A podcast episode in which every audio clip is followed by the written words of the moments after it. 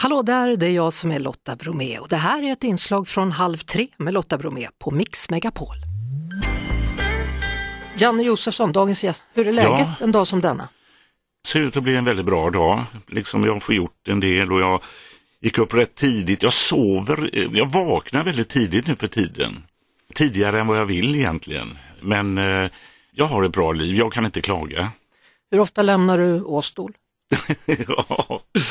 Jag lämnade den nu eh, bara för några dagar sedan och jag har fått i båten, den gamla snipan och den eh, startade med lite eh, hjälp av några gasspray och sånt här. Men jag är lite rädd att den läcker in så att jag, jag känner en sån här obehaglig känsla att någon kommer ringa snart och säga att den, den sjönk Janne. Men eh, det är en ö jag verkligen älskar. Du vet mitt ut i havet och Pater Noster framför en så här. Va? Där, det blir, alltså för själen där blir det att allt liksom, du vet Danmark, eh, England, Amerika, det, det, det, betyder väldigt mycket. Jag har haft hus där i nästan 30 år nu. Och Ni är väl några stycken som bor där? Alltså Birgitta Stenberg levde väl där också i många år? Ja, det gjorde hon. Hon eh, finns ju inte längre vid livet och eh, hon var inte helt enkel att lära känna. Hon var eh, lite reserverad, men när man väl gjorde det så var hon eh, fantastisk. Du kan ju tänka dig när hon kommer till denna gudsvetna ö i mitten av 60-talet. Hon är narkoman, hon är katolik, hon är lesbisk, eh, hon är kommunist, eh, hon är allt det som man inte ska vara på denna pingstvännernas ö Åstol. Men hon blev respekterad, och, men de kallade henne alltid för författarinnan. Om de kallade henne författarinnan då, vad kallar de dig? Ja, det vet jag faktiskt inte om de kallar mig för något. De Det är väl klart att de gör, det fattar du väl att de gör. ja, jag vet inte. Dansören? Dansören, ja där fick man ju många kommentarer och så när man var med i Let's Dance. Och, men jag ångrar inte det, vi hade jätteroligt Malin och jag och eh, alla andra som var med, Carola. Och det, ja, det, jag gillade det men jag åkte ut med huvudet för. Ja. Jag glömmer ju aldrig när Lasse Brandeby som jag jobbade med i många år eh, var med i Let's Dance och han ringde mig och frågade vad, vad tycker du Janne? Nej, men du, herregud, det här är din andra karriär. Men det är då han börjar bli dålig och han satt ju ett tag på en stol. Han bad ju folk sluta rösta på mig, jag vill hem, men då röstade han ju bara ännu. Ja, han, han gick långt. Han gick väldigt långt. Ja. Jag gick inte så långt, men det var skönt. Då kunde jag komma ut till Åsdal, vara där istället. Men om du då tänker på eh, reaktionerna som du fick när du Mm. dansade kontra de som du fick när du hade Uppdrag granskning. Ja, det Ganska stor skillnad kan man tänka. Ja, jag får ju förfrågningar från alla möjliga. Är Fångarna på fortet eller Åka över Atlanten eller vara på en ensam på en ö och alla möjliga sådana här. Men jag ställer faktiskt väldigt sällan upp. Men Let's Dance tyckte jag var kul och även Alla mot alla med Cecilia Frode. Hon är fast men sämre än vad jag är, men vi har jättekul och ja, herregud. Man ska väl vara försiktig och tänka efter vad, vad ska man ställa upp på och sånt där. Va? Men eh, jag ställer inte upp. Alltså där, där fångarna på fortet så sa jag så här, men herregud. Jag har ormskräck. Jag har klaustrofobi, jag har höjdskräck. Är jag verkligen lämpad för det? Liksom? nej, de sa, jo men det fixar vi på något sätt. Du, men nej, nej, nej, så jag. Janne, jag tänkte liksom eh, på det du sa förut då, att du är med i lite mer nöjessammanhang. Kan det vara så att du har slappnat av mer med tidens rätt? Jag var ju väldigt mycket en eh, person som eh, skojade och berättade historier och skämtade. Och sen eh, busade jag väldigt mycket och blev nästan relegerad från skolan i åttan tror jag det var. Och sånt där. Men sen efter nian där så kände jag att när, jag måste skärpa mig och så skulle jag bli vad man kallar reklamman på den tiden. Och eh, fick väldigt bra betyg och hade väldigt lätt för mig i skolan och sånt där. Vad var frågan förresten? Frågan var, har du med åren eh, slutat ta det på allt för stort allvar? Ja, det är klart att jag, när man står där, alltså man blir ju så förknippad med det man gör, framförallt då i tv och sådär, Uppdrag granskning ikväll. Där kan inte jag stå och skoja. När jag körde debatt, eh, var programledare där en tid, eh, då var det lättare att visa upp lite andra sidor av mig själv och sånt där. Men eh, man är ju komplex, man är ju inte bara den där liksom sån, folk blir ju rädda för mig också. Va? När de förknippar ju med mig liksom granskande journalistik och dolda kameror. Och, så det, det har ju hänt en del genom åren. Ja, hur, hur känns det då när människor blir rädda för det?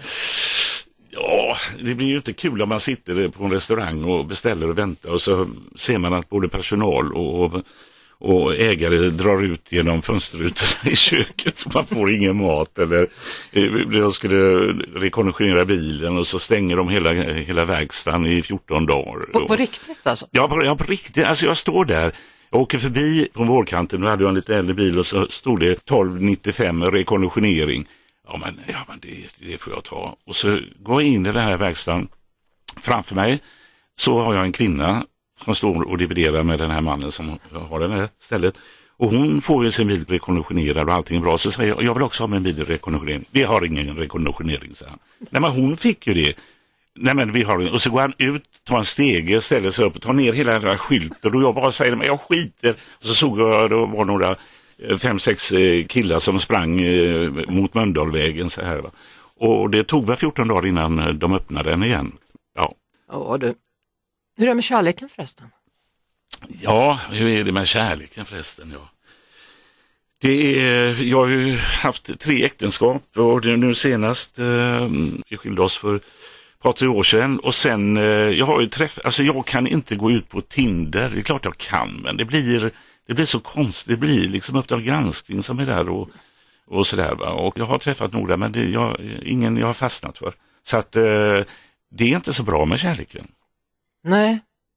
Jag, jag, vet att en av de första sakerna som förvånade mig med dig, det var att du gillar dansbandsmusik. ja. Det, funkar inte det då, att gå ut och dansa? Jo, men jag kan ju inte dansa. Jo då, det har vi sett. Ja. Att du kan.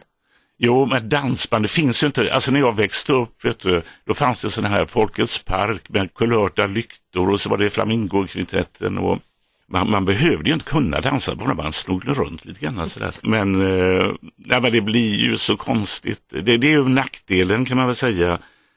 Att vara känd, liksom. Att, ibland vill man ju inte bli igenkänd. Samtidigt har man väl på något jäkla sätt velat bli det också, så att det är väldigt tveeggat det där. Men, har du profil på Tinder? Nej. Har du försökt? Nej. Jag har haft tre, eh, ja det senaste var väl inte så bra, men annars jag, jag umgås med mina två första fruar i alla fall, som jag har barn ihop med. Och eh, alltså jag har ett bra liv, jag har väldigt mycket vänner och framförallt betyder ju då naturligtvis Åstad, jag känner varenda kotte väldigt mycket för mig då. Där kan jag komma ut och så kan jag sätta på musik och bara titta ut i havet. Och så vet jag att jag har massor av vänner som finns runt om mig. Liksom. Så jag känner mig inte ensam där. Jag tänkte på när, när jag hörde när du sa det här med kärleken så, så låter det ändå som att du längtar? Alltså vad är det du längtar efter när, när du tänker kärlek? Nej men det är klart att eh, alltså jag har ju varit med om otroligt passionerad kärlek den är ju, eh, den förblindar ju mig och eh, man ser inte riktigt klart och sånt där. Men det är klart att det är ju något helt otroligt att vara med om. Alltså man går ju på moln och eh, det är klart att har man varit med om det som jag har varit, då kan man sakna det. Men man blir väl också försiktigare med åren kanske. Och, men jag, jag känner ju inte att jag vill leva helt ensam resten av mitt liv. Det gör jag inte. Så men de... så kanske det blir. Förlåt? Ja, så kan, kan det ju bli.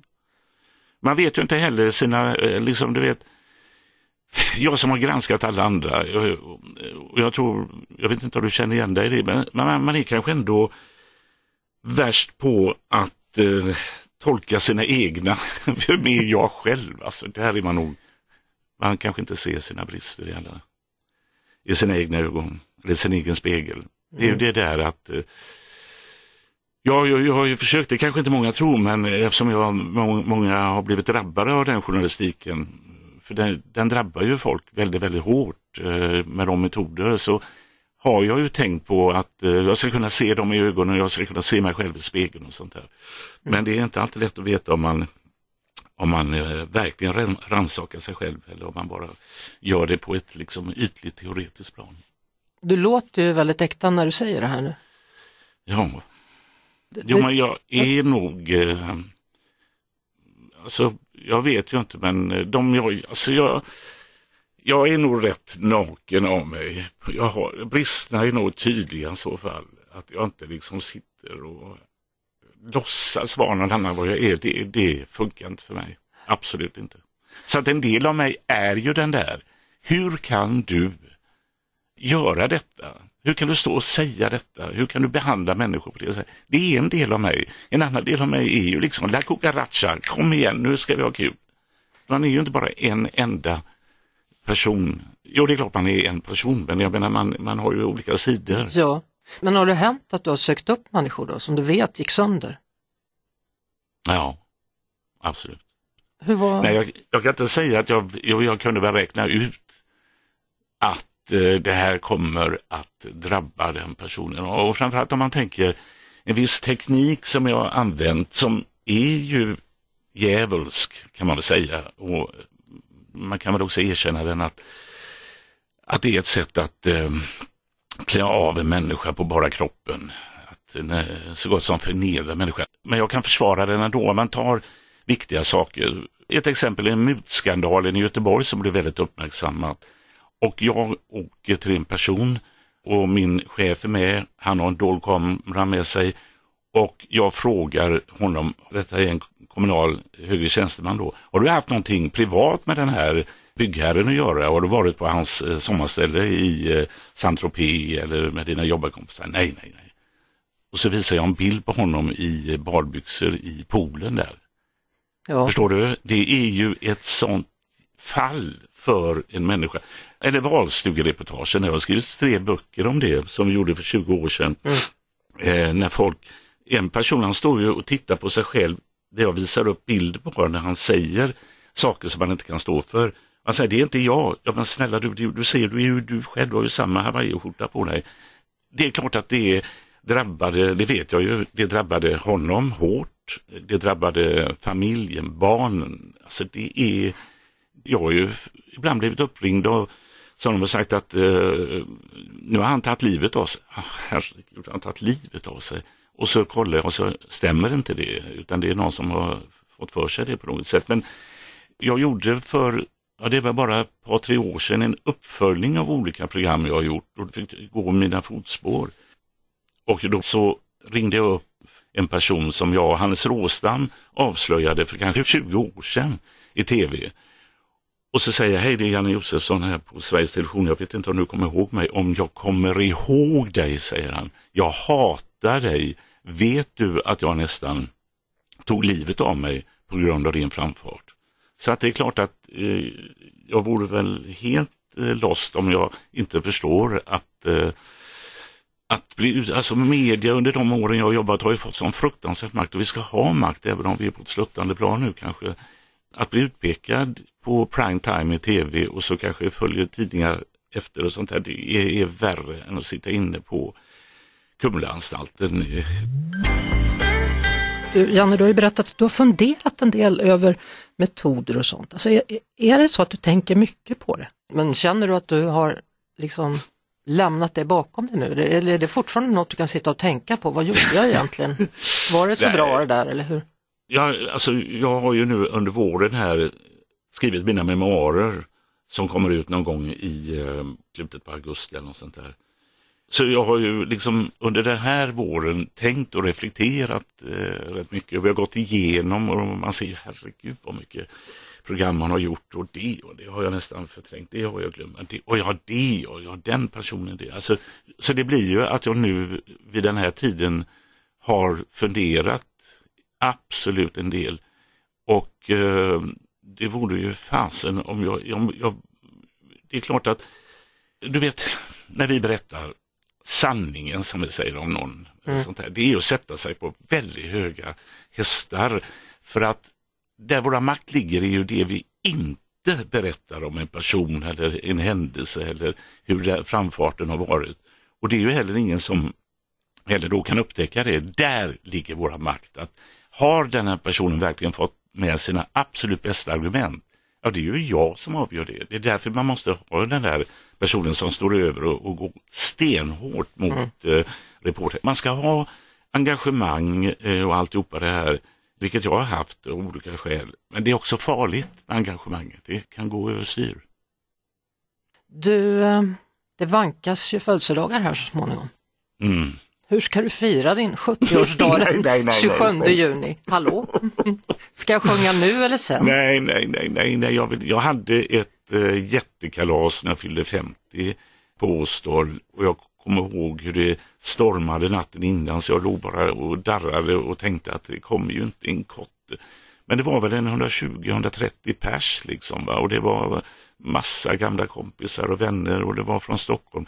Det räcker med en sån fest i livet. Jag vill inte ha jag vill förtränga det så gott jag kan men det går inte för det, är några som kommer fram på oss för det är några fler i min ålder där. Kan vi inte fira ihop? Nej, jag vill inte fira. Vet du vad, jag tror du kanske till och med kan göra en Tinder-profil efter det här samtalet. nu, nu vet ju folk att det är på riktigt. Ja, det är på riktigt. Ja. Om inte annat kan ni väl mötas i någon europeisk stad och så har du slagit flera flugor på en smäll där tycker jag. Ja, Ja, ja. ja det, det gäller att det klickar till då. det tror jag det kommer göra också. Nej, men det, det, det, jag har så svårt också för, nej men så här var det också förstår du, att eh, efter en serie jag hade här för inte så länge sedan så kom det en otroligt massa brev eh, till eh, Åstol. Så den adressen är öppen så att säga, så där kom det eh, höga med brev. Och eh, men jag tycker det är så svårt och då, jag träffade en eller två var det väl i Stockholm där, men jag kände, alltså när man inte känner det där så tänker jag då gör jag någon illa. Sen är det ju de jag liksom, det är en tjej som jag verkligen skulle vilja bli, men det, hon vill, kommer inte till skott. Liksom. Hon kommer inte till skott. Nej, och då, då, då blir ju inte det så jävla kul heller. Men, men kan inte du ta initiativet eller? jo, jag får göra det. Du, du kan inte bara sitta där och vänta på att hon ska Nej, komma till skott, Nej, eller? nej. nej, nej, men det får, bli, det, det får bli som det blir. Mm. 27 juni i alla fall, grattis på födelsedagen. Och du, jag lovar att alla brev som kommer till mig nu efter det här samtalet, det kommer komma en del, de skickar jag till Åstol. ja, det kan du göra. Ska vi säga så? Ja, det gör vi. Vad Ha- kul att snacka med dig. Vad kul att du är tillbaka. Vad roligt. Du är en otrolig radiopersonlighet. Jag älskar radio eftersom jag har börjat med radio. Det är någonting med, det är rösten, det är, du ska vara i radio. Tack så mycket. Punkt slut. Punkt slut. Ha nu en fin sommar. Ha detsamma. Ja, kram på dig. Kram, kram på dig. Kram på dig. Hej då! Hej. Vi hörs såklart på Mix Megapol varje eftermiddag vid halv tre. Ett poddtips från Podplay. I fallen jag aldrig glömmer djupdyker Hasse Aro i arbetet bakom några av Sveriges mest uppseendeväckande brottsutredningar. Går vi in med hemlig telefonavlyssning och, och då upplever vi att vi får en total förändring av hans beteende. Vad är det som händer nu? Vem är det som läcker? Och så säger han att jag är kriminell, jag har varit kriminell i hela mitt liv men att mörda ett barn, där går min gräns. Nya säsongen av Fallen jag aldrig glömmer på Podplay.